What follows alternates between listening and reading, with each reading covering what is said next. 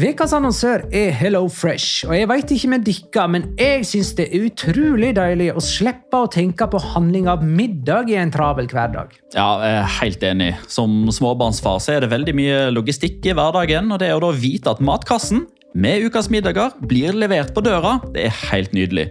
Da slipper du impulskjøp på butikken når blodsukkeret er lavt, og når du kommer hjem, kan du bare ta ut posen med dagens ingredienser fra kjøleskapet og sette i gang matlaginga. Ja, du kan velge mellom 25 ulike retter hver uke. Og de har faktisk en egen kategori som heter Raskt og enkelt, med masse enkle og gode oppskrifter.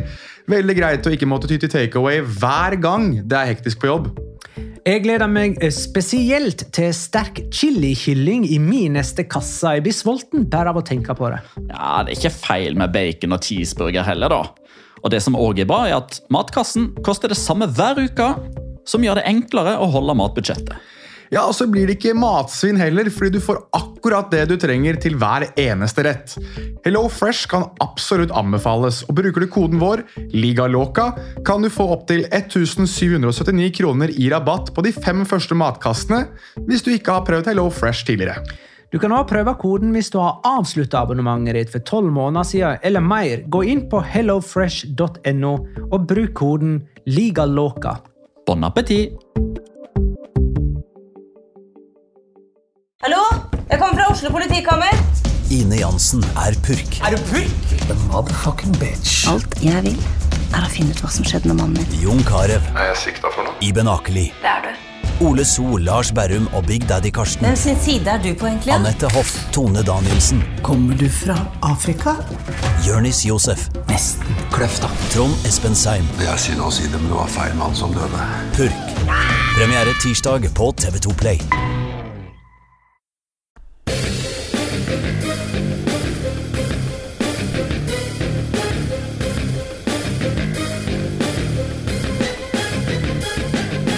Har du sett? Alaves, Valladolid, Levante, Getafe. Nei, jeg snakker ikke om playoff-plasser i Segunda, men lag som ligger over Real Madrid i La Liga. Dagen etter at Real Madrid ble brukt som feiebrett i verdens største ligakamp, er det ingen vei tilbake for Lopetegi, som blir savna mer av Barca-fansen enn av sine egne. La liga loca. En litt gærnere fotball. Ja, ja. La Liga Loca episode 49 av det ordinære, ordinære slaget med meg, Magna Kvalvik. Hei. Og deg, Jonas Giæver. Hei. Og deg, Petter Wæland. Hei. Assalamu alaikum. Hei!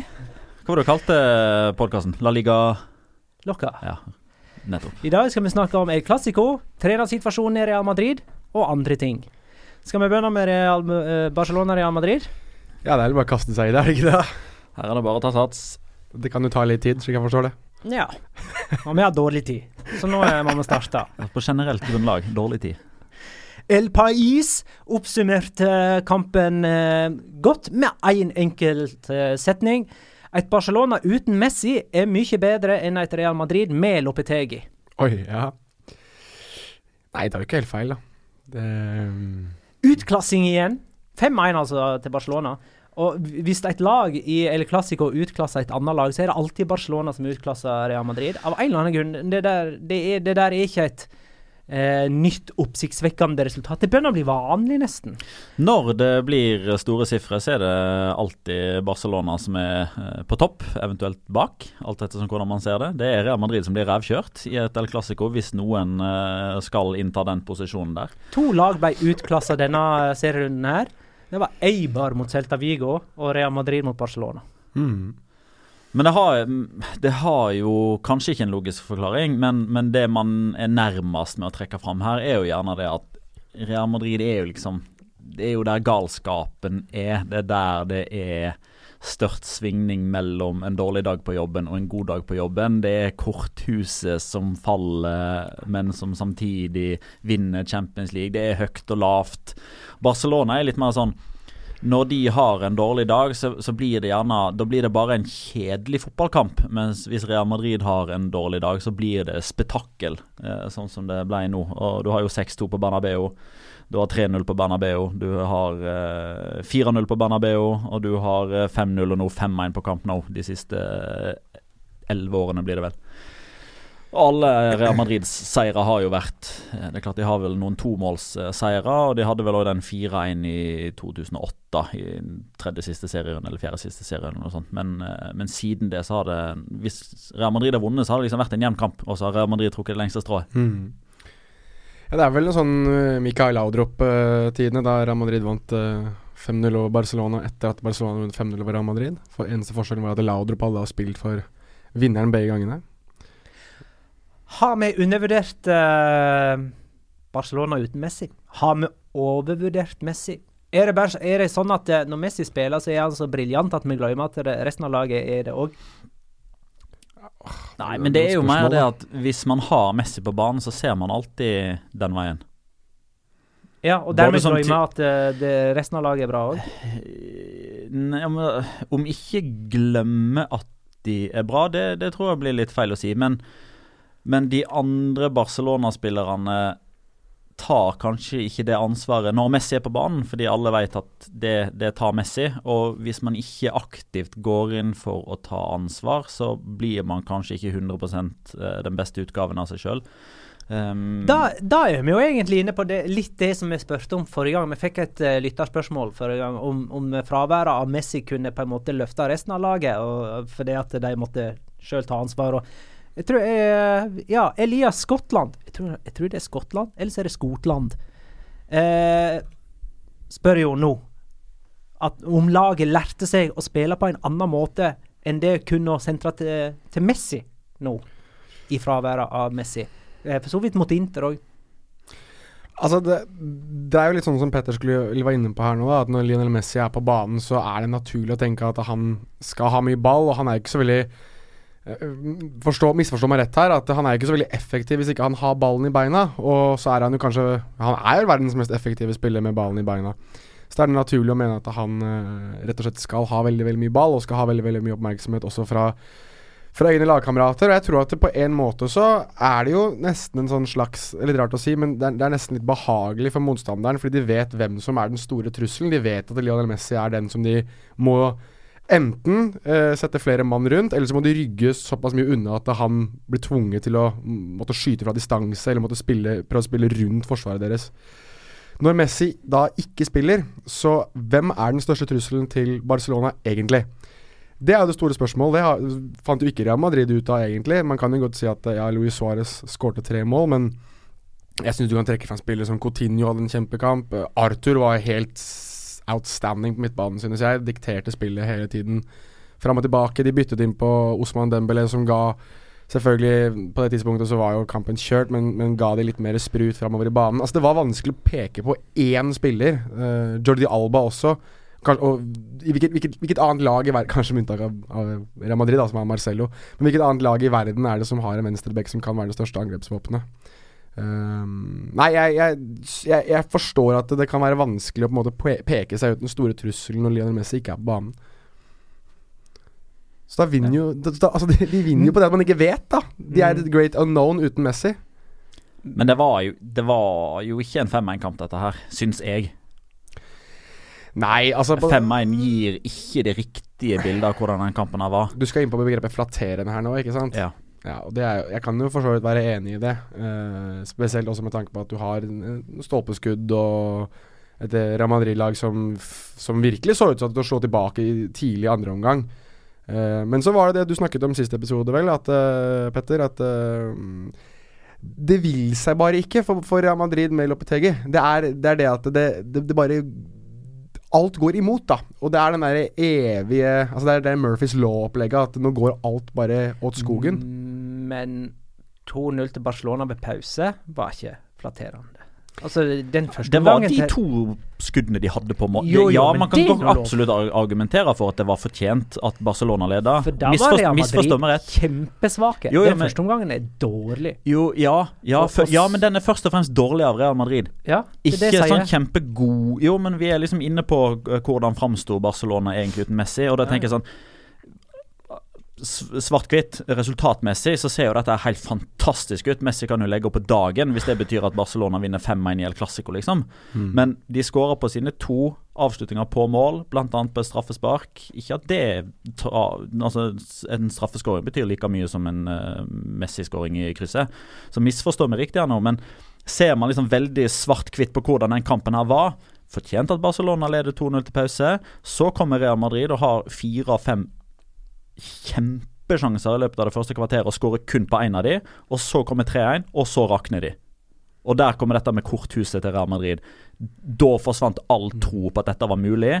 Og da skal jo selvfølgelig stoltheten av å representere Real Madrid, og at man spiller Classico, slå inn og trigge Real Madrid-spillerne veldig mye mer enn hva det, hva det krevde å gjøre. Men jeg, jeg føler mer at etter å ha sett to El Clásico på Camp Nou, der det har vært vanvittig forskjell på sluttresultat, i, i form av sluttresultat Altså, jeg bare husker den feelingen jeg satt med etter å ha sett Barcelona Real Madrid 5-0 i november 2010. Det var liksom sånn Herregud, så gode Barcelona var da. Etter den kampen her så var det mer sånn ja, Dette var Real Madrid-dråpen. liksom. Dette, dette, denne tapte Real Madrid 5-1 mer enn at Barcelona vant den 5-1. Okay, uten Uten å ta vekk noe av æren. Nei, Hvis du skal poengtere det på, en, på et vis, da, så mener du at det var, det var Real Madrid som var veldig dårlige, mer enn det var Barcelona som var veldig gode. Mm. Det var jo serieleder mot en middelhavsfarer. Men, men det skal de ha, Barcelona. De har altså 31 trekk i laget før de skårer 1-0. Uh, og der er man inne på litt hvem tar ansvar når Messi er ute. Fordi den som vanligvis slår den pasninga til Jordi Alba, som kommer på dette dype løpet, og Gareth Bale står og piller seg i nesa istedenfor å følge løpet, det er jo vanligvis Lionel Messi. Mm. I, dag, eh, I går, eh, altså på søndag, så var det Ivan Rakitic. Mm. Så Og den som virkelig da tar ansvar i form av å stå for målpoengene, er jo Luis Suárez. Han får jo ikke noen form for målgivende pasning eller sånt på 1-0, men den, det, det løpet hans gjør jo at Coutinho får helt fri passasje. Han framprovoserer straffen til 2-0. Han skårer 4-1 og 5-1. Altså Mannen var jo klin spinen hakke gæren, og burde vært utvist. Men, uh, Ja, burde han det? Jeg syns det. men så dere hvor mye rom Karim Benzema skapte for uh, Real Madrid, eller? Ja, fy flate, altså. Så du da han hadde den bevegelsen ut på høyre? Det rommet der? Ja, Best, bare synd- beste rommet jeg har sett. Ja. Ligger sikkert på YouTube. Det er bare sånn Bare synd at ingen løp inn i det. Space. Så ingen løp inn i det. Mye rom, mye rom. Det er jo sånn compilation på YouTube med Benzema Spaces. Det er det, ja. kan, vi, kan, kan vi si noe om uh, den siste uka om uh, Arthur? Du, Geir Halvor Kleiva skriver Hvordan har det seg at en spiller som omtrent ingen hadde hørt om for et halvt år siden, nå spiller fast, og ikke bare det, men dominerer kanskje den viktigste lagdelen i Barcelona? Det er eh, altså det er ikke ofte vi ser det lenger. At det er en fotballspiller som uh, ikke har vært innom Europa eller ikke har gjort noen ting uh, på gamle kontinentet som Og hver mer Barcelona-spiller enn noen andre Barcelona-spillere, Ja. bortsett fra Messi, kanskje. Nei, det er altså sist, Jeg satt også og tenkte litt over det var sist gang. Det var liksom en fotballspiller jeg aldri egentlig sånn Altså, jeg hadde hørt om at uh, Gremio hadde en, en brasilianer som het Arthur som var veldig god. Hadde ikke sett ham noe særlig. Kanskje én kamp i Copa Libertadores eller noe sånt nå, uten å liksom være helt blåst av banen. Men sist gang det var Jeg har hatt den samme feelinga med en fotballspiller, må ha vært EM i 2008. Med Andrea Sjavin og Juri Sjyrkov og alle gutta der som du eh, Hvis du hadde sett Uefa-cupen, så hadde du fått det med deg. Men, du, men ellers så var de nesten litt sånn helt nye stjerner, da, som hadde egentlig holdt på en, en god stund. Men jeg synes altså spesielt altså, mot Inter, der var han helt vanvittig. Og altså kontrollert Tottenham på Wembley. Ja, der var han også god. Altså, jeg syns han har vært god nesten alle kampene han har spilt. Ja. Mm. Men altså, det å komme inn i El Clásico eh, Første klassiko han har spilt Altså, altså spillere Jeg ville tro at veldig mange spillere synes det er skummelt, og at det er nervepirrende å, å spille en sånn kamp. Fullstendig dominant. Altså Bestemte seg for når man skulle sette opp farta, når man skulle senke det, når han skulle spille en støttepasning, når han skulle tre gjennom i ledd, når han skulle spille en stikker ut på siden. Nei, jeg var, uh, var kjempeimponert over, uh, over Arthur. Og ehm, det er, det er veldig veldig interessant og veldig spesielt det at man har klart å finne en sånn, uh, en sånn type som det der. Uh, den, han er vel 23? 24-23? Så jeg mener at, at, han ikke har vært innom Europa på noen som helst måte. Eller uh, sånn som Fabinho, da, som hadde vært i Real Madrid, og så måtte gå liksom litt rundt i Europa før han plutselig har fått en oppblomstring først i, i Monaco og så i, i, Liverpool. Det er ikke en sånn type, liksom. Det er en kar som aldri har vært i Europa før. Så det er supergøy. Kong Arthur. Arthur Melo vant uh, Supercopa. Det er Spania på 22-årsdagen sin. I, debut, I, debuten for Barcelona. Okay. Kanskje, et, kanskje et omen. Ja, kanskje det. En annen mann, uh, som Leo Loca påpeker, Roberto de Sergi, har fire assist på de tre siste El Clásico, og alle til Suárez. Og en utvisning. Ja, det er noe. Ja, og det, altså, det, var noen som påpeker det, at hver gang han blir utvist, så blir det 2-2. No. Uh, han har blitt utvist to ganger og blitt 2-2 begge ganger. ja, ja. ja uh, ikke nødvendigvis i ja, Celta Vigo og uh, mot Real Madrid. Uh, men, men, der har du en spiller som på en måte er av det anonyme slaget, men som alltid leverer i uh, Classico. Han, han, er alltid steingod i de kampene. Enten han spiller høyre back eller blir flytta fram på kant eller en av de tre på midten. Og han kan spille overalt. Han ble mm. for øvrig utvist i semifinalen av Copa del Rey i februar 2017 mot Atletico òg. Ikke 2-2, men 1-1. Tre uavgjorte. To sånne ikke høyprofilerte spillere som eh, virkelig eh, eh, Hva skal man si satte sitt preg på eh, El Clásico. Ja, men det, vi, vi snakka jo veldig mye om det i forkant. da, sånn Første klassiker på lenge uten Cristiano Ronaldo og mm. Lionel Messi. Ja, ja. og eh, Jeg hadde jo invitert til, til lag på, på, søndag for å se kamp sammen med venner og naboer. Og han første som kom inn, jeg skal ikke nevne navn, eh, han spurte liksom ja, hvordan blir dette her da, uten Messi og Cristiano Ronaldo? Kan, kan, liksom, kan det bli litt tamt? Ja, det er liksom Altså, selvfølgelig, det blir jo det blir jo liksom ikke det samme. Det kommer aldri til å bli det samme igjen på, på, på den måten med Cristiano Ronaldo og Lionel Messi. Men vi skal jo ikke spille med ti mann. Det er en ny mann som kommer inn. Eh, og El Clásico er El Clásico. Det er der helter eh, skapes og syndere blir drept. Ja, Vi trenger litt mer av futt på sidelinja og på trenerfronten. Uh, og det kan jo fort bli etter hvert. Uh, men vi må snakke om Real Madrid og deres El. Men kan jeg bare ta en liten ting på Valverde først? Ja. Fordi vi har jo fått noen kritiske spørsmål, med rette, med, med tanke på bytter. Altså Jeg syns Valverde mm -hmm. treffer veldig på byttene, uh, den kampen her. Første gang i sesongen nesten her. Jo, men det var veldig flink til forrige sesong, og så plutselig så klikka det liksom ikke like bra. Men uh, la oss ta det, da. Uh, for det som skjer, er jo at uh, Real Madrid gjør en taktisk endring ja, de legger om til tre mann bak. 3-5-2. Forbereder seg på Conte. Og så, ja. og det funka veldig godt.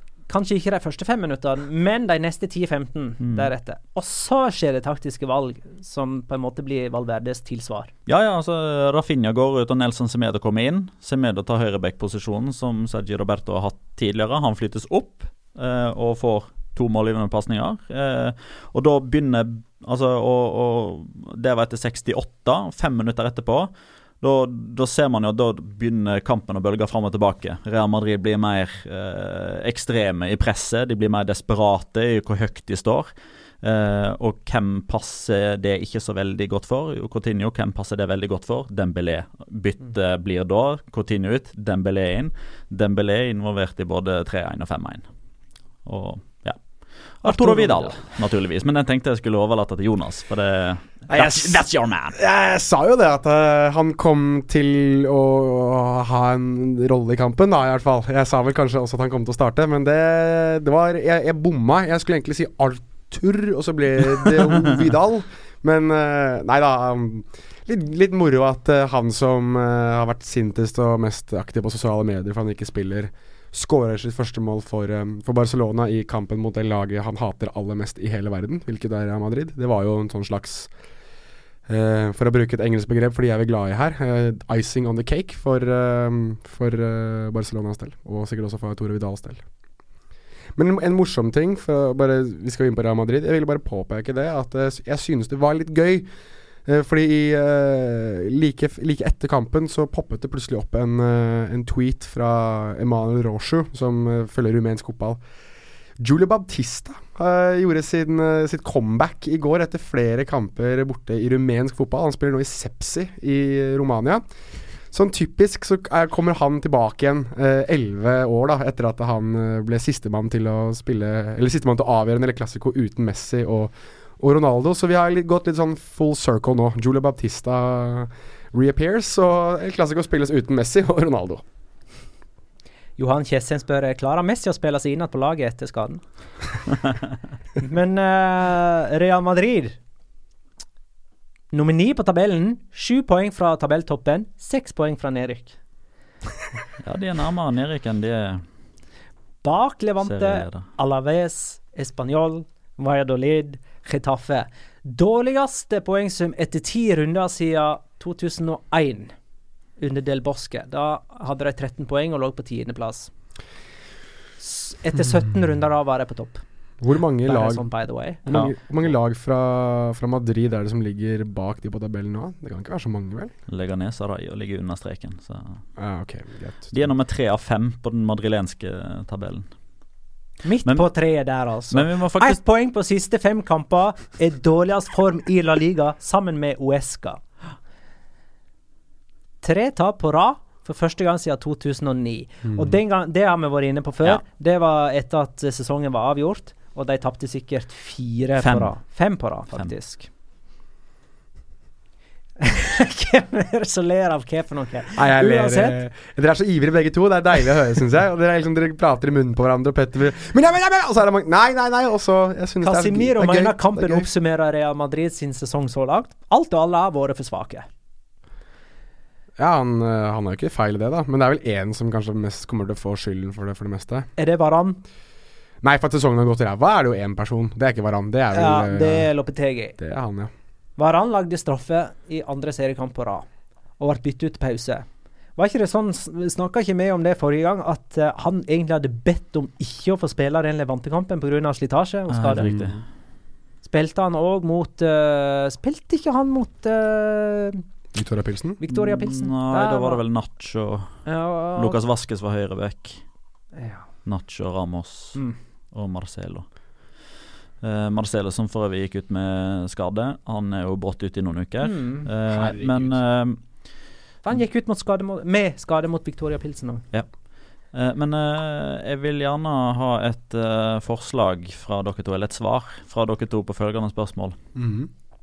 Når var det sist Real Madrid ikke hadde en positiv målforskjell etter ti serierunder?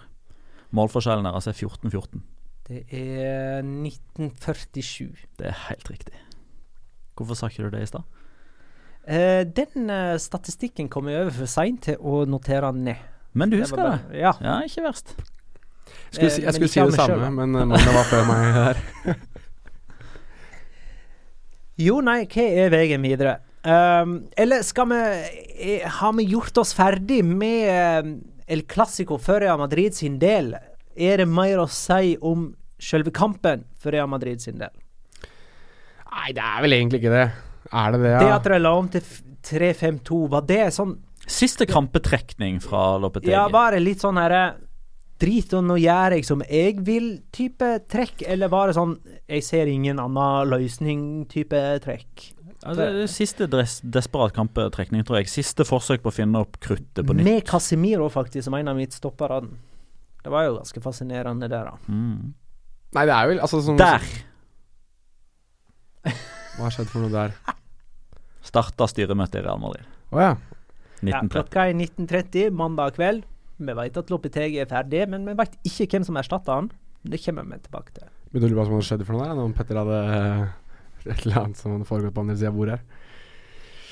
Nei, Men det, ta spissene, da. Altså, jeg mener um, Og det, har vi fått en del tilbakemeldinger på. Hvem, hvem skal skåre målet for eh, Real Madrid? For det Du kan ikke bare ha Marcelo til å gjøre det. Det er ikke bare å flytte fram forsvar, forsvarere, og så er måltørken over. Selv om det Ja, nå har de jo skåra i tre kamper på rad faktisk. Ja. Men la, la, meg svare på det spørsmålet. Altså, hvem skal skåre målene for Real Madrid? Jo, det skal selvfølgelig han som allerede har skåra 198 mål eh, for klubben gjøre, i form av Karin Benzema. Det skal selvfølgelig Gareth Bale gjøre, som har 92 mål på 201 kamper. Men de må ha en trener som får de til å skåre mål. Husker dere spørsmålet vi fikk etter runde fire? Hvem kommer til å skåre flest av Suárez og Benzema? Det var kjempevanskelig den gangen. Jeg landa heldigvis på Suárez. Det gjorde jeg òg.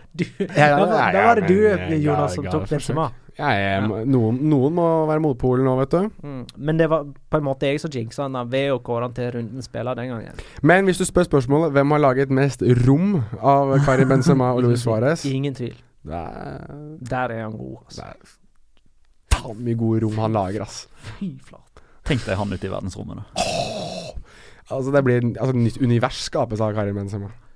da blir det enda Vi prøver jo på en måte å få begrep om universet. Hvis han kommer ut der, så blir det bare enda mer infinite, liksom. oi, oi, oi. Nei, skal vi bare bevege oss videre til trenerdiskusjonen, da? Ja, det blir rom der på den trenerbenken der også. Det, det er ikke Karim Benzema som skaper det. Jo, uh, kanskje, på en måte. Skal vi se hva hen kan vi, kan vi ikke oppsummere med at Julian Lopetegi han, han, Det er ikke offisielt når vi sitter her nå, det kan være ja. offisielt når folk hører dette. Ja, det blir offisielt. Det blir jo ikke offisielt ja. da, når folk hører det, og uh, det er jo over. Altså, det er uh, Uh, ti kamper, ti seriekamper og to uh, Nei, tre Champions League-kamper. Det er over. Altså Det er, um, har vært en fadese fra ende til annen. Det startet som en fadese, det ender som en fadese. Uh, og er en oppsummering kanskje litt på, på, at Real Madrid ikke hadde planlagt livet etter sin Zidane og Cristiano Ronaldo. At det, det kom litt mer trøkt i trynet på dem enn det vi kanskje egentlig trodde. Um, Men dette her er jo way beyond. Ja, ja, det her jeg syns det er det som ja. er så rart. Ja, ja, ja. Fordi eh, altså, de som eh, si, forsvarer Loppetegi, eller som mener at han ikke bør få fyken, og at det ikke er hans feil osv., eh, de mener jo primært at det er fordi han hopper etter Wirkola, og fordi han ikke lenger har Cristiano Ronaldo, og det er 50 mål som er borte.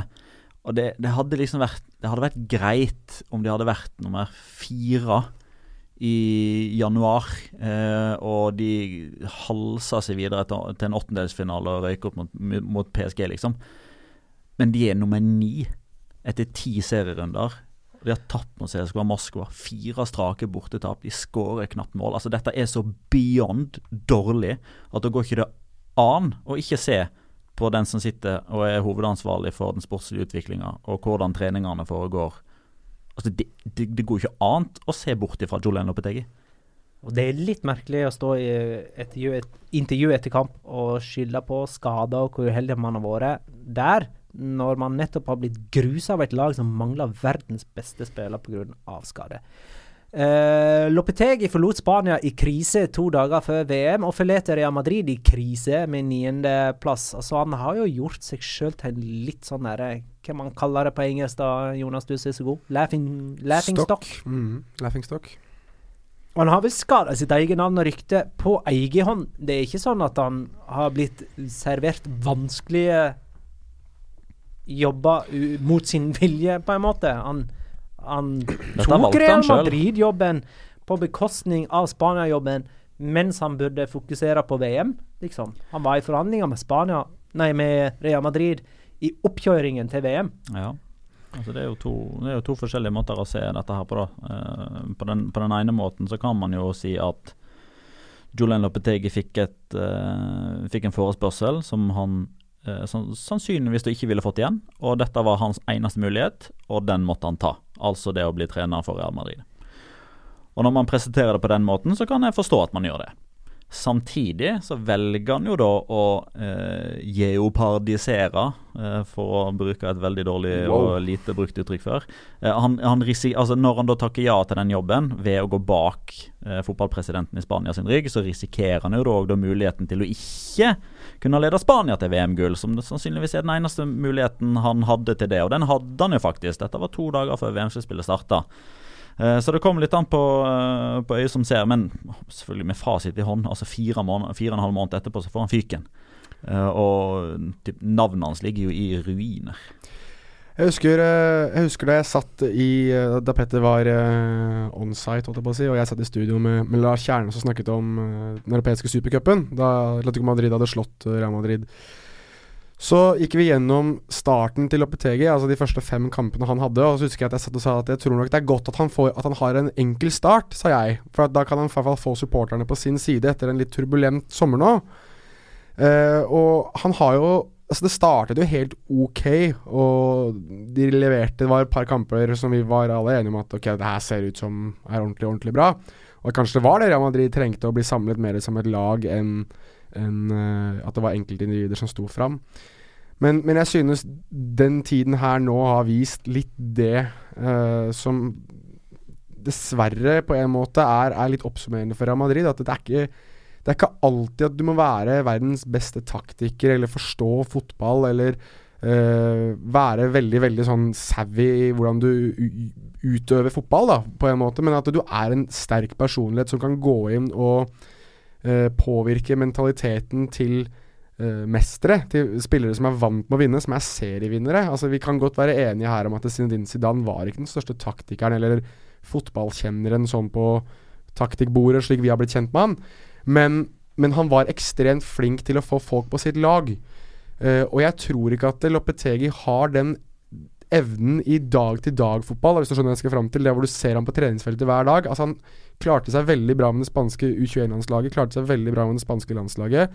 Feilet totalt i Porto, har feilet totalt i Real Madrid. Han virker på meg som en trener som det kan, bli, det kan bli, mye. Jeg tror, jeg tror, For hans del kan det bli veldig veldig mye. da eh, Taktikk og forstå dere på det, og sånn vil jeg gjøre det. Og så skal du endre for mye på for kort tid, og så går, går alt sammen dunken. Uh, det, er, det, er, sånn jeg har oppsummert det, i hvert fall for min egen del. Når jeg har tenkt over hva er det som egentlig har gått skeis her. Det er jo en voldsom forskjell på det å være landslagssjef og, og klubbsjef. Og ja. Det virker jo som at det å være landslagssjef passer Loppetegi veldig mye bedre, mm. og ikke ha den uh, den daglige oppfølgingen av mm. uh, spillere og mm. trenerteam og treninger og alt mulig. Se på en type som Carlos Queiroz, for å ta en annen tidligere Madrid-trener, som har gjort det mye mye bedre med landslag enn han har gjort det med klubblag. Altså Han var assistent i Manchester United, men total flopp i Real Madrid. Gjorde OK med Portugal, har gjort det veldig bra med Iran. Altså, det er en type altså, Enkelte trenere klarer bare ikke å, å ha klubb, klubblag fordi de skal endre på for mye. og og er egentlig vant med den distansen fra fotballspillere. Og de klarer ikke helt å, å, å tilvenne seg det å ikke ha den distansen lenger. Jeg kan tenke meg at uh, han Portugal-treneren nå, Santos Fernando Santos, ja. Han nå er ei som er grei å bare ha en og annen gang, ei og annen uke i året å forholde seg til. men, men, så har, men, så har, du, hvis du snur litt på det også, sånn som Pochettino, sånn som uh, Guardiola De tror jeg er trenere som jeg sier ikke at de kommer til å feile som landslagstrenere, men jeg tror de er trenere som, som brødføs litt på det å være konstant på feltet og kunne være med og, og, og påvirke hele tiden. da.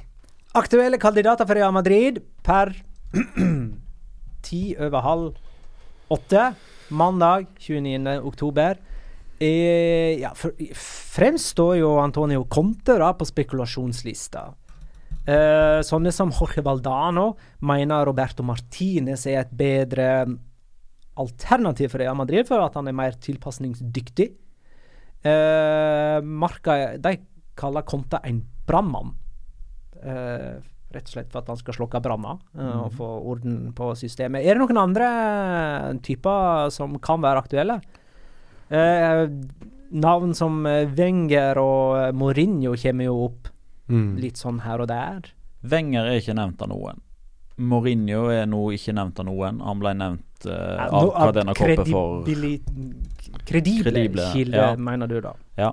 Uh, Leonardo Jardim er en uh, mann som er ledig, men som ingen snakker om. Som er rart, syns jeg. ja, det, det syns jeg òg, men det er sikkert noen årsaker til det. Mm. en mann som er både nevnt og ikke nevnt. altså han er, han er, jo nevnt fordi han snakkes veldig mye om, men så er han samtidig ikke nevnt fordi jeg tror ikke han er aktuell på lang sikt. men den treneren som står på sidelinja for Real Madrid på onsdag. Mot Malia i Copa del Rey. Ja, eh, på et annet kontinent. Eh, det er Esteban Solari. Nei, Santiago Solari, mm. som er Castilla-trener. Eh, jeg tror jeg har sagt det før, men det var han som var tredje sist på volleyen til Zidane i 2002. Jeg nevnte Det var du som sa det. Ja, korrekt. Den skal du ha for Jonas. Da er det deg jeg har det fra. Så da har du altså Solari, som slo den pasninga til eh, Roberto Carlos, som nå er ambassadør for eh, Real Madrid, som er med laget på alle eh, turneringer. Som eh, da legger inn til Zidane, som da satt Lopetegi i alt dette trøbbelet.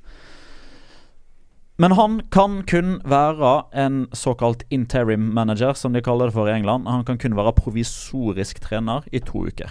Mm. Han kan ikke sitte lenger enn to uker på midlertidig basis. Hvorfor ikke? Det står det i reglementet til eh, det spanske fotballforbundet. At når en trener i La Liga Når du er midlertidig, når, du er liksom, eh, når det står i papiret at du er midlertidig, Ja. da er det maks to uker. Maks to uker, eller maks 15 dager. Ja. Og Det er derfor man snakker om den neste landslagspausen som det avgjørende eh, det den avgjørende fristen for Real Madrid til å bestemme seg.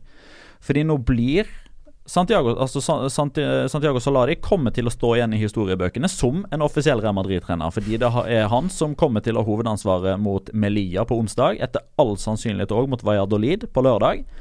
Eh, og kanskje òg da mot Victoria Pilsen og eh, Jeg husker ikke farten hvem Real Madrid har i, om, om to og tre serierunder. Eh, men det er da altså innenfor den 15-dagersperioden som er fristen Real Madrid har overfor forbundet til å gi beskjed om én Julian Lopetegi er ikke lenger vår trener. Han har ikke trenerlisensen. Eh, den må dere ta fra han, og da har de 15 dager på seg til å skrive inn en ny hovedtrener.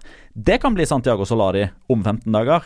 Eh, Det er ingenting som står i veien for det, men han kan kun være denne såkalte nødløsningen i 15 dager. Det er den tida Real Madrid har på seg til å bestemme hvem som skal bli den nye treneren. Borte mot Celta Vigo, da. Neste kampen. Ja.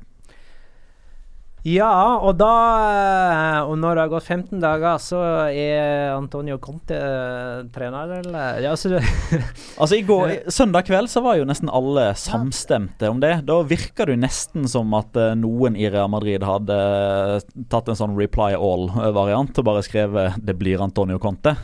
Eh, Men nå kommer det litt eh, motstridende meldinger. Den ene følger liksom etter den andre. Den, de som var først ute med at Conte eh, som, som mulig Real Madrid-trener hadde fått et sånn skudd fra baugen, det var Rogones som er, kall det, den daglige nyhetssendinga som går klokka 15.00 av den redaksjonen som vi veldig ofte refererer til som El Chiringuito.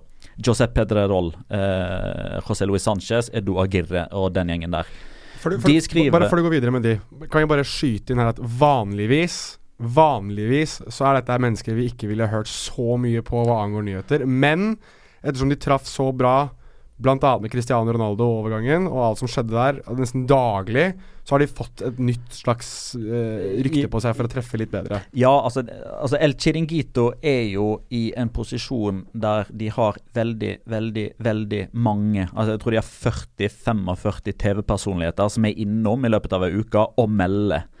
Uh, og Det er jo liksom hovedproblemet når det gjelder det å bygge seg opp kredibilitet. For de sitter jo og skriker til hverandre og er totalt usaklige i debattklima.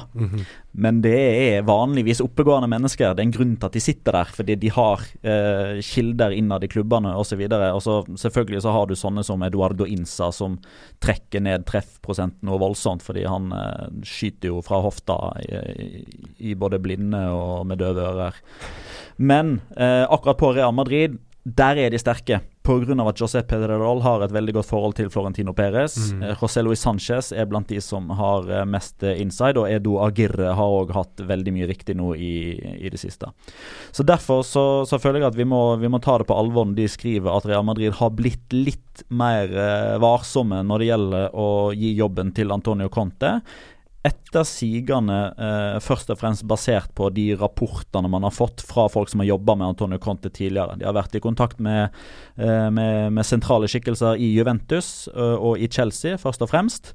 eh, og fått noen svar på spørsmålene som har gjort at de har fått litt sånn kalde føtter. Eh, I utgangspunktet, altså AS mente seint i går kveld at eh, planen til Real Madrid var å offentliggjøre Antonio Conte eh, nå i kveld, mandag Ja, kveld. ja. Det kom jo aldri i verden til å skje. Eh, Cadena Cope rapporterte i går kveld, altså søndag kveld, at Antonio Conte hadde vært på ferie i Egypt. I Egypt hadde satt seg på fly til London for å kunne møte sin agent og for å være litt sånn standby på å, å reise videre til Madrid. Eh, men nå, nå har altså eh, Det bålet brenner ikke like tett lenger. Bl- Blant annet da pga. den eh, Diego Costa-episoden. Eden Hazard skal visstnok ikke være så veldig fan av Antonio Conte. Vi vet jo at Real Madrid, om en ikke ligger langflate etter Eden Hazard, så er det i hvert fall en interesse som har ligget der over tid. Ligger langflate. Uh, Tibor uh, Courtois har visstnok uh, sagt i uh, Real Madrid-garderoben at men kjære vene, det var han jeg reiste fra.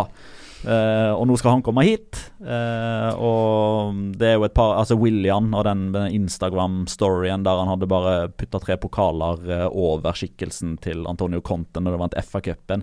Det, det begynner liksom å bli veldig mange sånne situasjoner med Antonio Conte. Du har jo den der pressekonferanseseansen med, med Juven, som Juventus-trener. Han sitter der med «Che vergogna!» uh, som ble vist gjentatte ganger i den nyhetssendinga til, til Rogones. Hva var det det gikk ut på, da? Nei, det husker jeg ikke.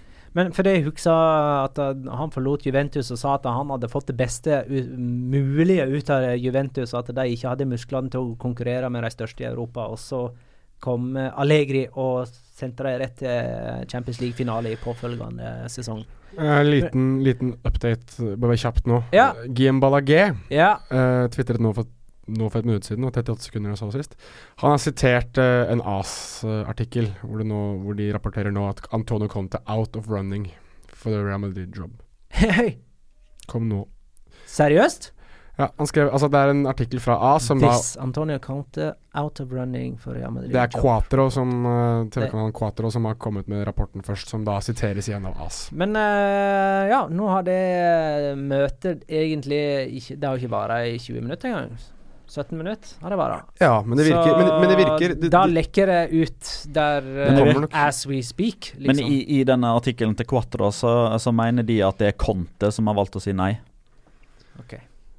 Out of. Fordi uh, etter mye uh, After much consideration Uh, The Italian has made the decision uh, after giving, an, uh, giving it a lot of thought. Uh, Conte feared the players wouldn't welcome appointment. Uh, annet etter uttalelsen til Sergio Ramos i går.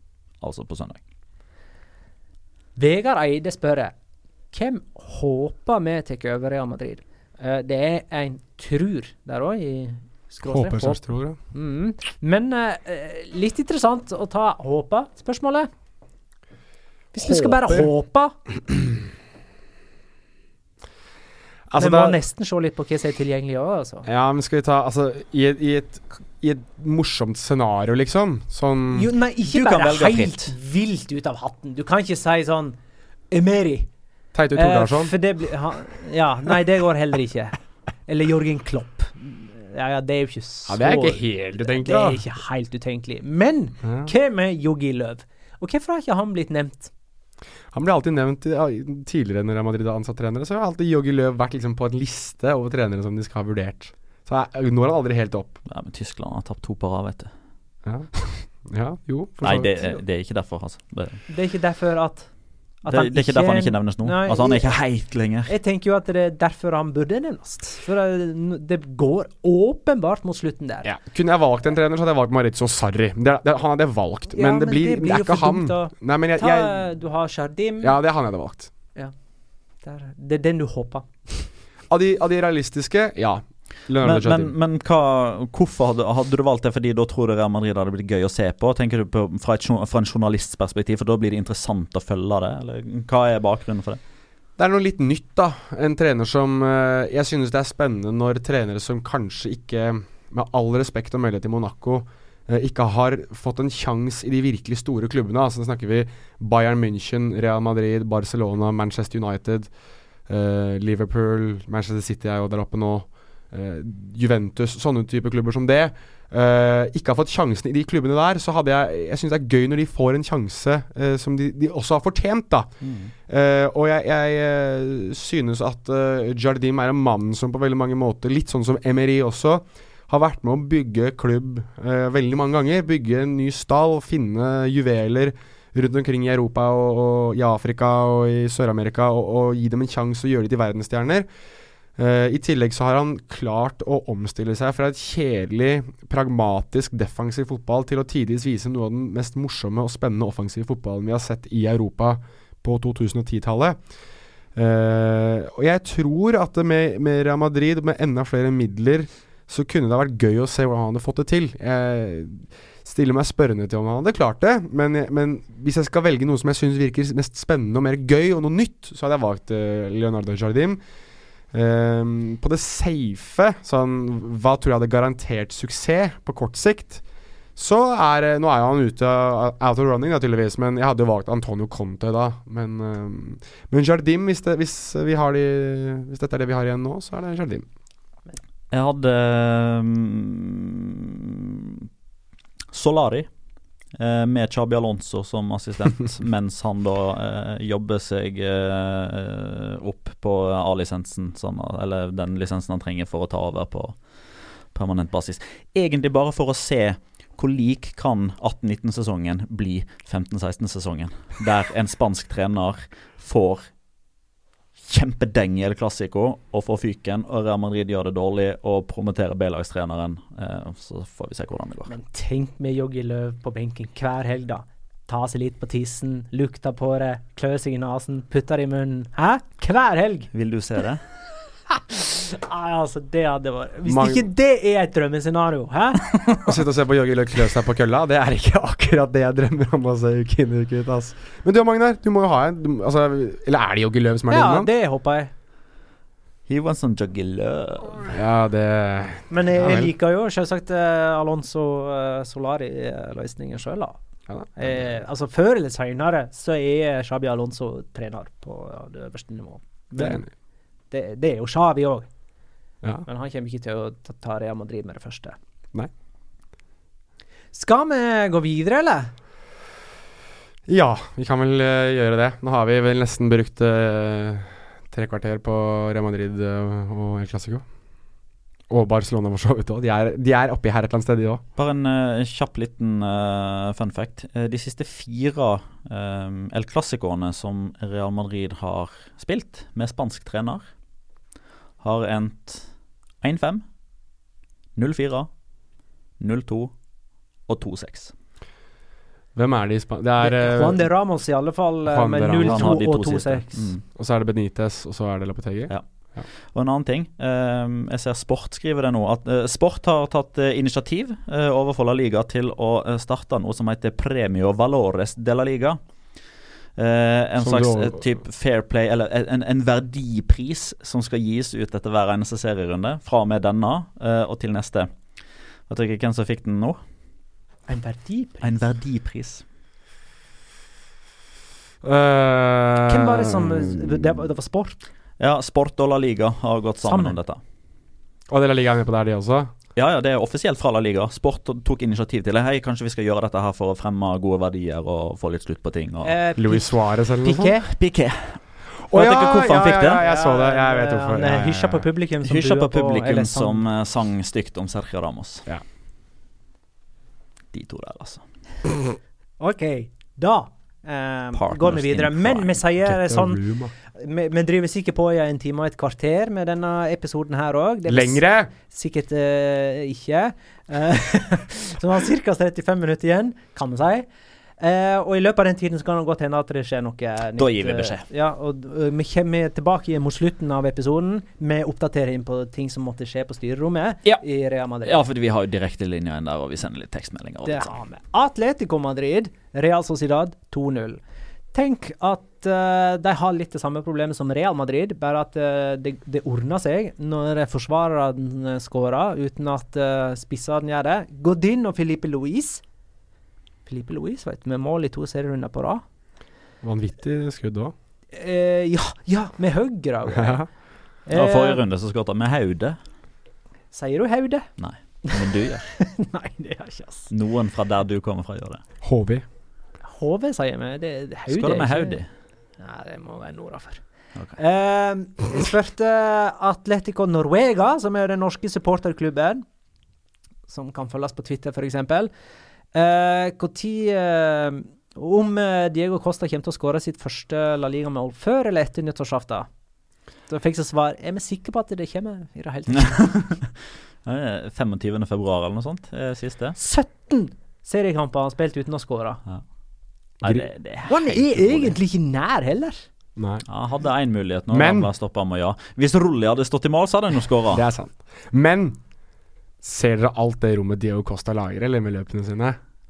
Det er ikke like mye som Benzema, Nei, det er ikke langt ifra. Jeg vil egentlig hevde at det er veldig trangt rundt Kosta hele tiden. Synes det, der han er, er det masse alltid Ja. med folk. Ja vel, greit. Jeg syns han lager mye rom. Kanskje han har skapt rom på no for noen andre. På, uh, kanskje det er det han gjør. Diego Godin skårer, da. Det er jo gøy, syns jeg.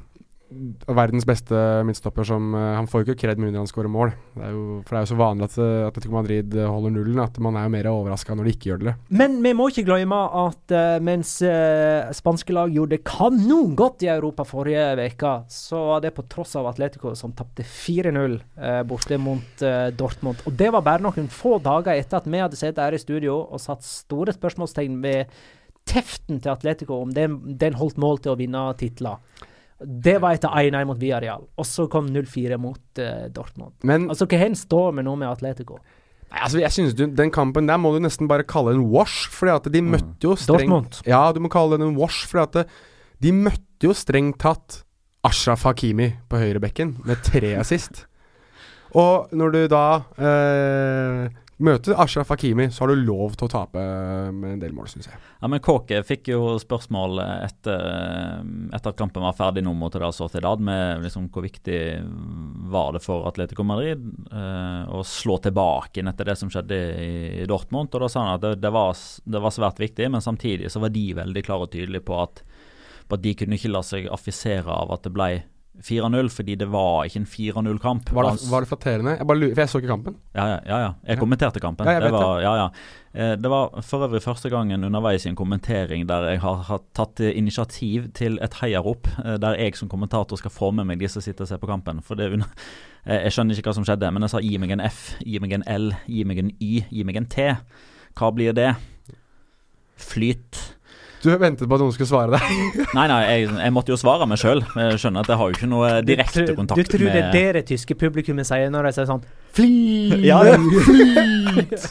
Nei, men det er jo fordi Altså, jeg har sett Dortmund litt denne sesongen, men en som hadde sett Dortmund langt oftere enn meg, det er jo uh, Viasat-kommentator Eivind Biskår Sunde. Eh, og vi har jo alltid litt mailutveksling i forkant av Champions League-rundene, og han var veldig klar og tydelig på at Dortmund, fantastisk form, men særdeles mye flyt òg.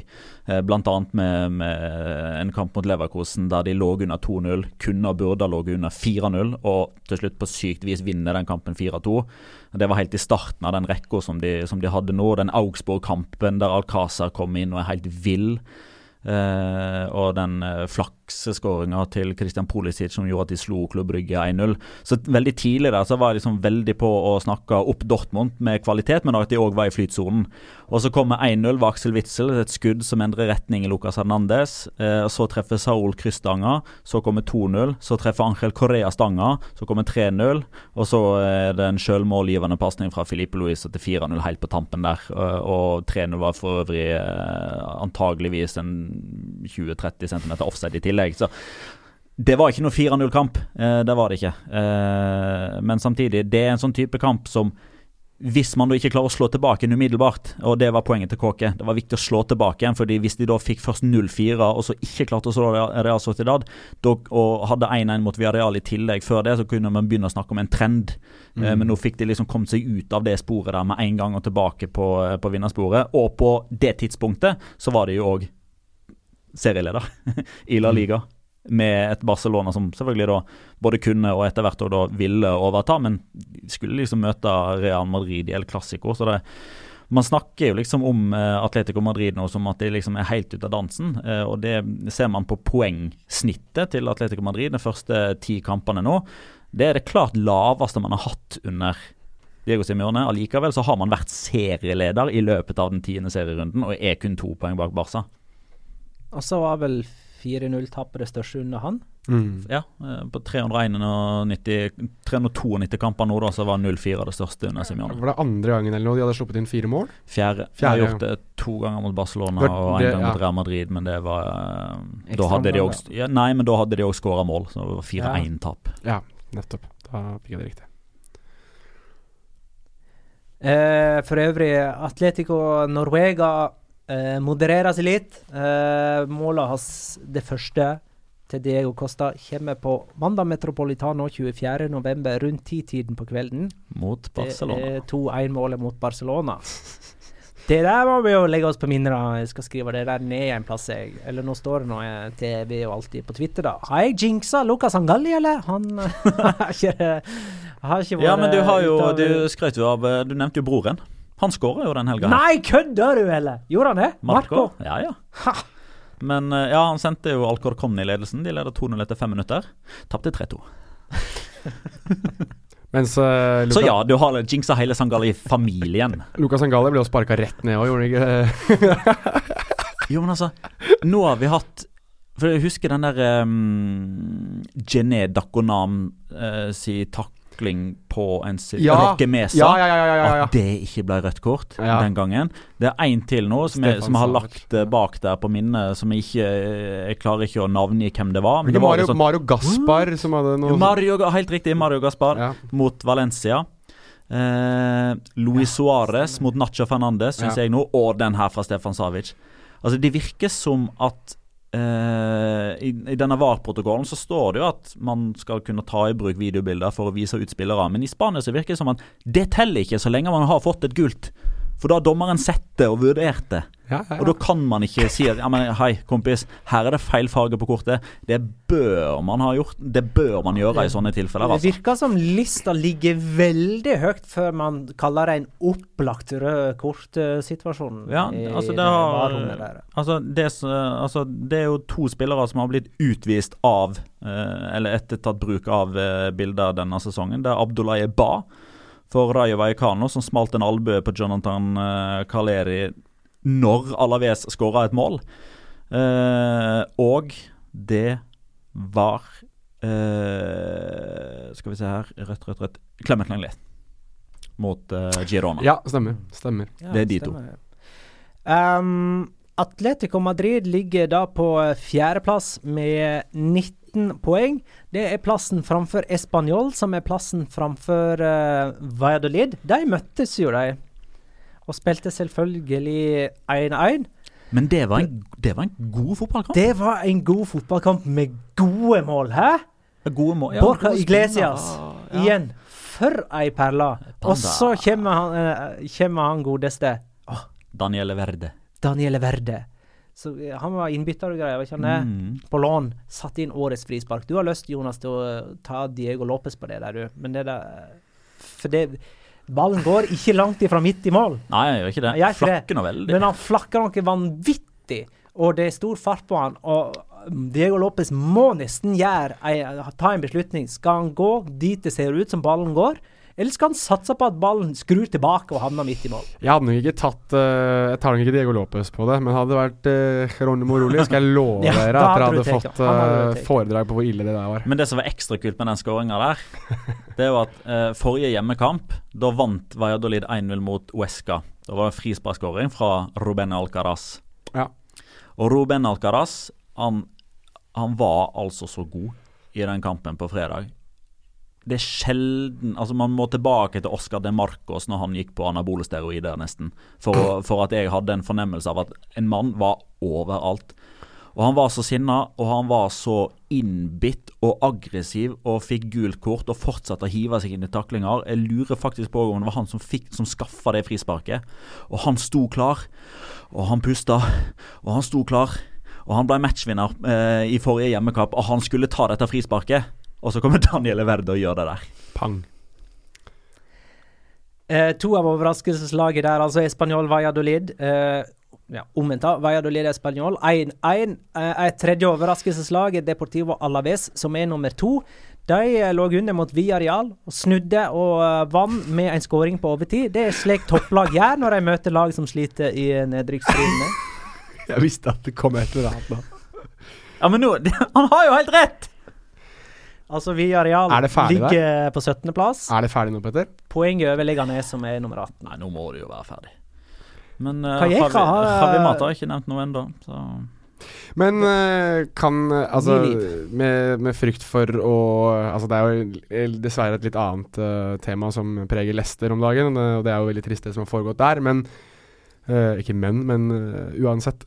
Alaves, hvor, hvor lenge er det til vi kan begynne liksom Alavester? Er det, er det en greie der? Altså for nå, det, nå begynner det å skje veldig veldig ofte, synes jeg, at Alaves uh, Ikke at jeg sier at de Altså Jeg tør ikke å si at de kommer til å kjempe om tittelen, men nå er det mye som stemmer for dem. Nå er det mye som går deres vei. De har hatt to ganger nå hvor de har Er det to, eller er det tre? Fire. På overtid? Mm. Er det så mange nå? Real Madrid på Ja, det det hjemmebane. Ja, på. Manu Garcia til 95. Ja. Retafe på hjemmebane. John, Jonathan Caleri etter 93 til 1-1. Ja. Mm. Og uh, borte mot Valladolid i Baigomes etter etter 93. ja ok. Ja. Også mot uh, Borja Baston etter Ja. 94. Det er det du snakket om. Da var det for Ja, det var overtid, ja. men det lyger lite grann før det var lagt til ni minutter. Jo da. På grunn av en helt sinnssyk smell. Så dere den, eller? Nei. Mubarak Wakasa og Chimo Navarro. Altså, Chimo Navarro får en Altså, alle som har sett Mubarak Wakasa eh, spille fotball, vet at han, han spiller med hele seg. Altså, det er en, en vill bass fra Ghana som trøkker til så mye han kan, hode mot hode. Eh, jeg ser nå at Chimo Navarro faktisk har pådratt seg et brudd på kranien. På kraniet. Kraniebrudd kalles Ja, det. kraniebrudd. Og altså, måten Altså, begge to ligger jo i lufta. Det er altså Begge to forsøker liksom å, å stupheade og, og gå, liksom gå inn etter samme duell. Mubarak Wakaso klinker inn i tinninga på Chimo Navarro, som roterer rundt i lufta og deiser i bakken med hodet først, og blir liggende. Det var skremmende. Litt sånn uh, Edmund Honda fra Street Fighter 2. Fordi som, hvis noen tar den referansen der, da må ja, dere si fra til meg. Street Fighter 1. Og, og det er ikke kødd engang. Spillet er Street Fighter 2, men ja, eh, jeg tenker på filmen her, da. den er utrolig dårlig. Uh, uansett. Men, min aller første date. Faktisk. jeg håper daten gikk bedre enn den filmen. Det tror jeg den må ha gjort, for det er den dårligste filmen jeg har sett. Uh, vi skal ta runden sånn for øvrig. Det skal vi. Ja, kjør på. Uh, Getafe Real Betis 2-0. Og da er det endelig bekrefta. Getafe er bedre enn Milan. Rehabetis har fremdeles ikke skåra Dette er håndfaste bevis. Rehabetis har fortsatt ikke skåra i første omgang i uh, serien, Nei. men uh, på San Siro så gjorde de det. Og det var deres første i totalt sett. De kommer til å skåre de, vet du, når de møter uh, Atletico Madrid. Da skårer de i første omgang. For da gir Typisk det at Atletico Madrid slipper inn sitt første mål i første omgang mot Betis, som skårer sitt første mål i første omgang. Eh, mot Real Nei, eh, er Real Madrid? Nei, jeg mente Atletico Madrid. ja, nei, Real Betis, Atletico Madrid.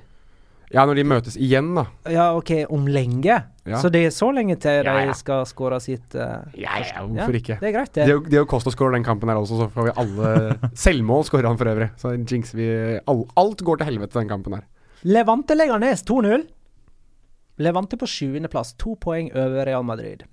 Bare tre poeng bak Champions League-plass. Kommandante igjen med fantastisk assist til uh, Ruben Rochina. Selvfølgelig helt på tampen av kampen, da. men uh, jeg blir så glad jeg hver gang uh, José Luis Morales gjør noe sånn som gjør at vi kan hylle han litt. Grann. Han er eh, Han tror jeg er blitt min sånn kulthelt i, i uh, La Liga. Altså, han er en nydelig fotballspiller. Hvordan er statistikken til Paco Lopez nå, siden han tok over? Levante er Spanias nest beste lag Ja, der har du det. i den Fy flate, altså! Og det er Nei, men er det stemmer det? Over 20 Ja, det stemmer. Det er kun, kun Barcelona som har tatt flere poeng. Siden Paco Lopez Ja, inn. OK, men det var helt på Det var sånn april. Det var, han hadde ti eller elleve kamper forrige sesong, så det er over, det er over halvspilt. Ja, OK. For det er Sesong, jo sånn- du, øh, For med Abelardo og Alaves så er det jo enda lenger Da er det et enda større spenn, men Ja, da er jo ikke typ Levante med i ligninga, for er- da lå jo de i bånn. Nemlig. Så i den perioden Paco Lopez har vært Levante-trener, er de nest beste i Spania. Det er altså helt absurd. Og de møtte Villarreal til helga. Ja, eh, det er på La Steramaica, det, da. Ja, dessverre. Mm. Villarreal er for øvrig ett poeng fra direkte nedrykksplass, til. Ja, det Det var Viareal du sa. Ja, Ja. det var Viareal jeg sa. Som, Ehm, jeg går videre, jeg. Ja, gjør det. Jeg ville bare påpeke. Ville bare påpeke. Ja, jeg har nevnt det, skjønner du. Ja, nei, jeg ville bare påpeke en gang til. Ja, det kan ikke sies ofte. Det kan det ikke. Sant. Girona jo 2-1. uh, Girona med Eusebio som trener, vet du, ligger over Real Sociedad, som han ikke fikk fortsette å trene forrige sesong. Ja, på målforskjell, er ikke det? Ett poeng. Ett poeng, poeng. Mm. Men altså, Girona, vesle Girona, han eh, så langt denne sesongen i alle fall, eh, heva over ganske store eh, Real Sociedad som han ikke fikk lov til å lede videre. Men, sam, men, sam, men samtidig så gjør jo Avsebio Sakristan det dårligere med Girona enn Pablo Machin gjorde det med Girona. Det Så- er jo greit, men han har i alle fall eh, et lite stikk eh, opp mot Baskeland, da. Det har han. Eh, Rayo har sju kamper uten eh, seier, og neste motstander er Barcelona. Men det blir klink hjemmeseier, vet du. Mm. Barcelona har vært i Madrid en gang tidligere denne sesongen og tapt mot Leganes, som da var tabelljumbo. Mm. Ja, det der skjer ofte i løpet av en sesong. Det Ja. stopper ikke bare på én. Jeg hører at uh, vi, vi skal være, være tilskuere på den kampen der, skal vi ikke det? Ja, det skal vi. Den Yes, den og bare Leganes mot Atletico Madrid og Real Madrid mot Valladolid. Yes. Med Da tre og en gjeng til reiser til Madrid til helga og ser tre kamper på lørdag. Så da må man følge at uh, La Liga Loca Pod på Twitter, så kommer vi sikkert til å legge ut noen snacks i løpet av kampen. Hva vi skal det, ja? Jeg tipper det. Ja, OK. ja Ja, Men vi lov jo det nå. ingenting. Nå har du Nå tatt har Ok, du. Jonas er Twitter-ansvarlig i naturen. Noen bilder og litt sånn forskjellig. Det er veldig typisk, Jeg det. trodde det var forbeholdt Det disse kan- Snap-kontoene. Niklas. Jo, Det gjør det, det det, det kan hende at det blir bilde av en bocadillo. Det kan. Det kan hende. Kanskje til og med 16 er det må. Bare til meg. Celta Vigo Eibar 4-0. Hat trick av Jago Aspas. Uh, det kan godt hende jeg ikke skal si noe mer eh, om det. Han er toppskårer sammen med Stuani. Mm. Eh, mer om Vi- det seinere, kanskje. Jo, men vi, vi, vi kan ta en liten ting til der, eh, Ja. så typ kommer det enda mer. Men um, Iago Aspas han har eh, Altså, man har jo ofte diskutert litt sånn hvor er Iago Aspas best hen? Fordi uh, Celta Vigo spiller jo 4-3-3, og da spiller som regel Aspas høyre kant. Fordi Maxi Gomez er spiss. Ja. Men nå har det seg sånn at uh, Maxi Gomez uh, Han har stått over fire seriekamper pga. skade eller karantene etter at han ble henta fra Danubio uh, sommeren 2018. Nitt- 17. Sommeren 2017. eh, for snart halvannen sesong siden. De fire kampene har endt som følger. Las Palmas, Celta Vigo 2-5. Iago Aspas hat trick. Celta Vigo, Sevilla 4-0. Iago Aspas hat trick. Celta Vigo Alaves 0-1. Eh, Veland på Twitter. Celta Vigo savner Maxi Gomez. Celta Vigo Eibar 4-0. Eago Aspas hat trick.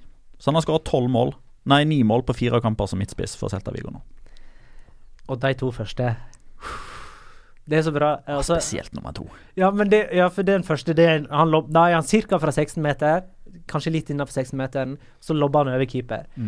Og, og det bare ser helt vakkert ut. Helt nydelig. Og så er det som om han skal bare overgå seg sjøl og gjøre det enda litt bedre i neste, og tar det sånn 15 meter lenger bak. Det er ikke så veldig ofte jeg gjorde det, men uh, på lørdag så retweeta jeg meg sjøl med sitat.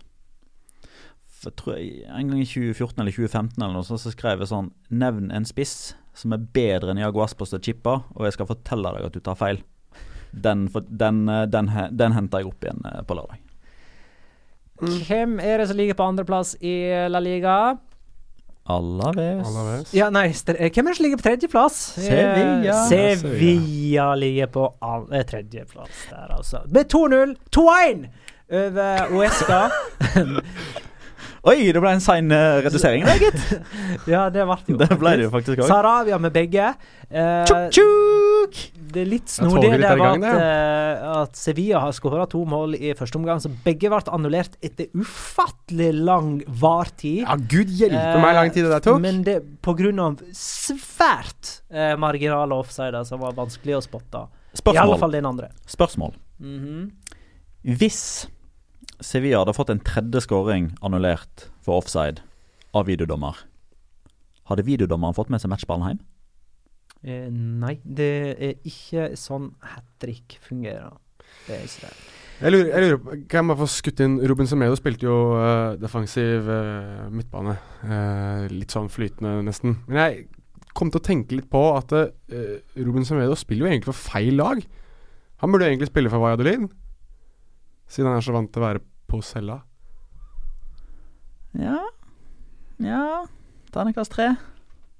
Den er ikke den verste jeg har Nei, hatt. den er ikke den verste. Det er ikke, si mer om de andre du har hatt Ja, Du har mange Bare for de som ikke veit det, da, så er kallenavnet til Valladolid Potela. Så, ja, ja. mm. Er han på cella nå? Nei, men han har vært Nei, men han er jo Han er vant med å ha vært på cella. Uh, hvorfor tok du akkurat han akkurat nå? Nei, Fordi husker han jeg spiller for Uesca.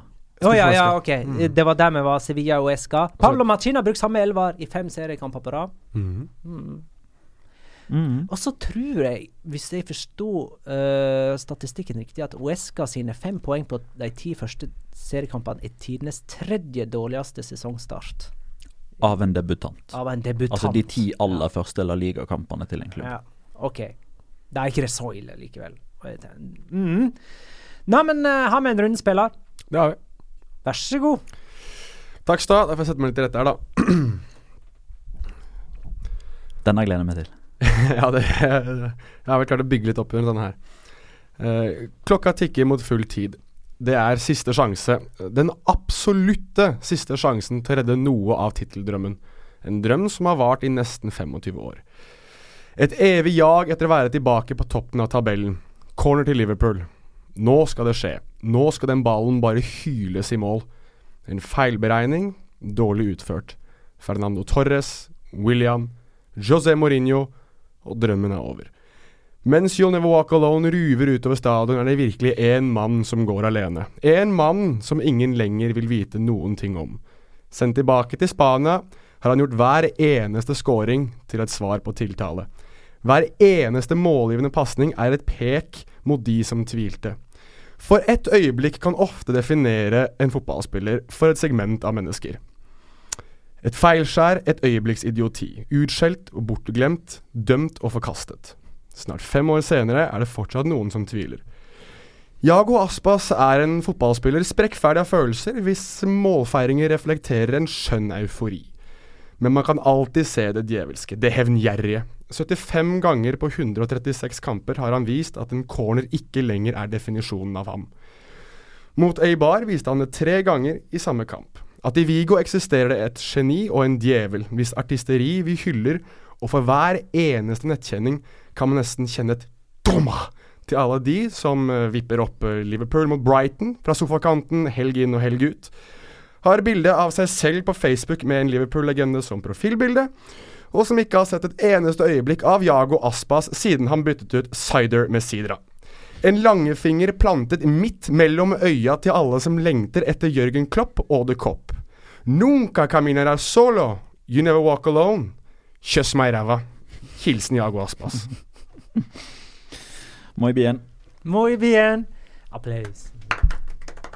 Takk, takk, takk, takk. Ukens La Liga Locura. Locura. La Liga Locura. Skal jeg Hvem er det som Er det noen som har lyst til å begynne med Locura? en? Jeg kan godt begynne. Det kan du godt. Uh, for det at uh, det er én kamp vi ikke har nevnt så langt fra runde nummer ti i uh, La Liga. Det er Atletic Valencia 0-0. Tidenes mest forutsigbare uavgjort. Det kunne ikke enda annerledes. Eh, den eneste kampen som enda 0-0 i runden, selvfølgelig. Åtte uavgjort etter ti runder av Valencia. Det er tangering av La Liga-rekord. Valencia hadde sju uavgjort hele forrige sesong. Og Atletic er ikke noe særlig bedre. De står med sju uavgjort etter ti runder. Det er helt absurd at det er, mulig. Og Valencia har for øvrig spilt fem uavgjort på rad, for de spiller òg uavgjort i Champions League. Selvfølgelig gjør de det. Eh, og det ble enda mer forutsigbart av at Atletic benka de eneste spillerne de har som skåra mer enn ett mål, Monjain og Willi, eh, Inyaki Williams. Og attpåtil satte Williams inn først. Han som aldri skåra på heimebane. Og Valencia har ingen mann som skåra mer enn ett mål eh, så langt denne sesongen. Så det bare Det måtte skje. Petter eh, sa i forbindelse med vårt tabelltips at det er helt meningsløst av oss å plassere Valencia framfor Real Madrid. Eh, for det ville nemlig Jonas gjøre. Men var det pga. at Valencia bare skulle spille uavgjort denne sesongen? Altså om Hvis vi hadde sagt Real Madrid kommer til å bli nummer ni, eh, ville du fortsatt plassere Valencia bak dem? Ja, sånn er det. Chris Robin Eriksen mener at uavgjort er en uting. Man står på sted Ting? Uting. U-ting? Ja, det er en uting. Ja. Bindestrek kan du godt sette der. Like godt å få seg en på trynet, uh, og dermed komme skjerpa til neste kamp, enn den her uh, halvkomfortable uavgjort-greia. For du går liksom ikke helt skuffa av banen heller. Så Parejo har jo blitt skada ut i tre-fire uker nå, så nå løsner det. Det blir i hvert fall ikke straffespark imot. Nei, det gjør det ikke. Uh, hvem vil ha neste? Jeg kan jo fortsette, for jeg er på samme sporet. Okay, ja. uh, det er jo f Altså, det måtte jo skje, da, at når endelig Inigo Martinez skulle holde nullen i uh, Atletic-drakta denne sesongen her, i ligaen riktignok, så måtte det være mot Valencia. Altså, han har gått denne sesongen her, da, hvis vi regner med hans siste kamp forrige sesong, som var mot Alaves, så har han spilt 1, 2, 3, 4, 5, 6, 7, 8 kamper hvor Atletic har sluppet inn mål, før den niende kampen, selvfølgelig, var mot Valencia, og det skulle bli 0-0. Og Jago, nei, Jago, sier jeg. Indigo Martine skulle, skulle holde nullen. Så det um, God jævla jul til hele Inigo. Julen må gå. Ja, alle må gå. Eh, to stykker som må gå, eh, eller som eh, har gått til eh, fødestua den eh, forrige uka her, uh, havna jo i fokus. Det ble skåra to hat trick denne serierunden. Luis Suárez og Jago Aspas. Felles for de to? De ble fedre igjen tidligere i uka. Så eh, kanskje Kanskje det kan være et tips til Diego Costa. Smell dama di på tjukka. Sov på en uh, dårlig sofa på uh, ei fødestue. Uh, ikke sov så mye, eh, fordi sofaen er så hard. Eh, sitat Jago Aspas.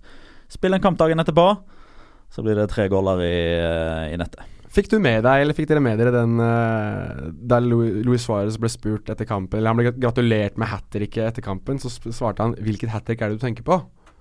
For han har jo fått tre han, Det er hans tredje barn, ikke sant? Mm. Og skårer tre mål. Stemmer det. Skal vi tippe? Jeg tipper vi skal det. Oi. Det vi tippa på eh, forrige episode, var Barcelona-Real Madrid. Jeg hadde 3-1 og Coutinho som første målskårer. Gir det Det gir tre poeng. Det Ett poeng. poeng for heimeseier og to poeng for uh, riktig måls, Korrekt, første målskårer. Yep. Petter hadde 2-1 og Benzema, det gir ett poeng. Jonas hadde 2-0 og Coutinho, det gir òg tre poeng. Eh, Hvordan står det ut da da? leder jeg med fem. Eh, Jonas har fire. Petter har tre. Da Oi, er det veldig tett og jevnt og spennende. Hva er neste kamp? Ja, hva er det hva Vi skal på Real Madrid, Real Valladolid, som jo er eh, sikkert Solaris kamp mot eh, et lag som ligger over dem på tabellen av alle ting. Det er en mulighet. Ellers så Vi skal òg på Rayo Vallecano Barcelona. Eh, og så skulle vi på, siden jeg er nå inne på alle disse her kampene, Leganes Atletico. Oi. Men det er òg spennende kamper som Real Sociedad Sevilla og Real Betis Celta Vigo, som er helt åpne. Mm. Mm. Skal vi ta Real Real Sevilla? Det kan vi godt. Den som leder, må Bjørn begynne. Det er deg, det. Det er meg. Da deg da deg det. Da sier jeg Hva var det for noe? Det, det, eh, noen ganger så skjønner jeg ikke Det er vel. Kjetil og Kjartan-show, om ikke? Det er det. Da, er Da deg det. Uh, Vet du hvem jeg tenker på? Da deg, det. Da deg det. Jeg eh, spiller William José. Eh, Han spilte fra start nå. Han har ikke karantene eller noe som, Nei da, ikke, har som har gått med Nei. i Nei, men uh, 2-1 til Real Sociedad. Uh, José første målskårer. Ok, da tar jeg 2-1 til Sevilla. Stuani. Oh, nei, han spiller ikke på en av de to. Nei, Hvem skårer alltid første mål? Uh, 2-1 til Sevilla. Mm, ja ja. Nå er jo egentlig ikke du nummer to på denne lista, da. Ok, da venter jeg. Jeg, da sier jeg, da sier jeg 2-1 til Sevilla. Og Nei, jeg visste! Ja, det er altså 2-1 til Sevilla, og eh, første målskårer er eh, Paulo Sarabia. jeg visste at det kom. Ja, tar jeg 3-1 til Sevilla. Og Vissan Ben Yedde. oh, så det er liksom gutta våre mot hverandre nå? Dette er showdown. Dette er showdown. Den kampen her skal vi se sammen. Bakfulle som noen uvær Ja, i Madrid på søndag. Det høres helt riktig ut. Da runder vi av, med mindre det har kommet noe skikkelig nytt og spennende saftig fra Spania. Skal vi se. Uh, nei, Florentino har ikke sendt melding. Da kan jeg i hvert fall Før du runder av helt nå, Ja. så vil jeg gjøre det som jeg nå noterer meg at andre podcaster også gjør, som vi også gjorde en del før. Ber folk om å gå inn i iTunes og søke opp La Liga Loca. Og gå inn der, legg igjen en rating, legg igjen en kommentar. Det hjelper oss med å få flere øyne på, på podkasten. Det hjelper andre også, tydeligvis, så jeg vil at dere skal hjelpe oss istedenfor. Så hvis du ikke har gjort det før, gjør det, gjør det nå. Og hvis du har gjort det før, gjør det en gang til. Så det setter vi veldig pris på. Lag nye kontoer og lag, lag mer ratings. Takk for det. Takk for det. Takk for innspill, takk for spørsmål. Takk for at du lytta, kjære lytter. Ha det, da.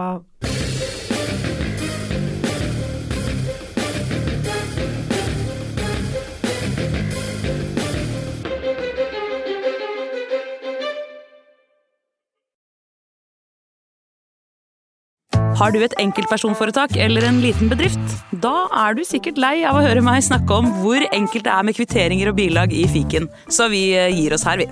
Fordi vi liker enkelt. Fiken superenkelt regnskap.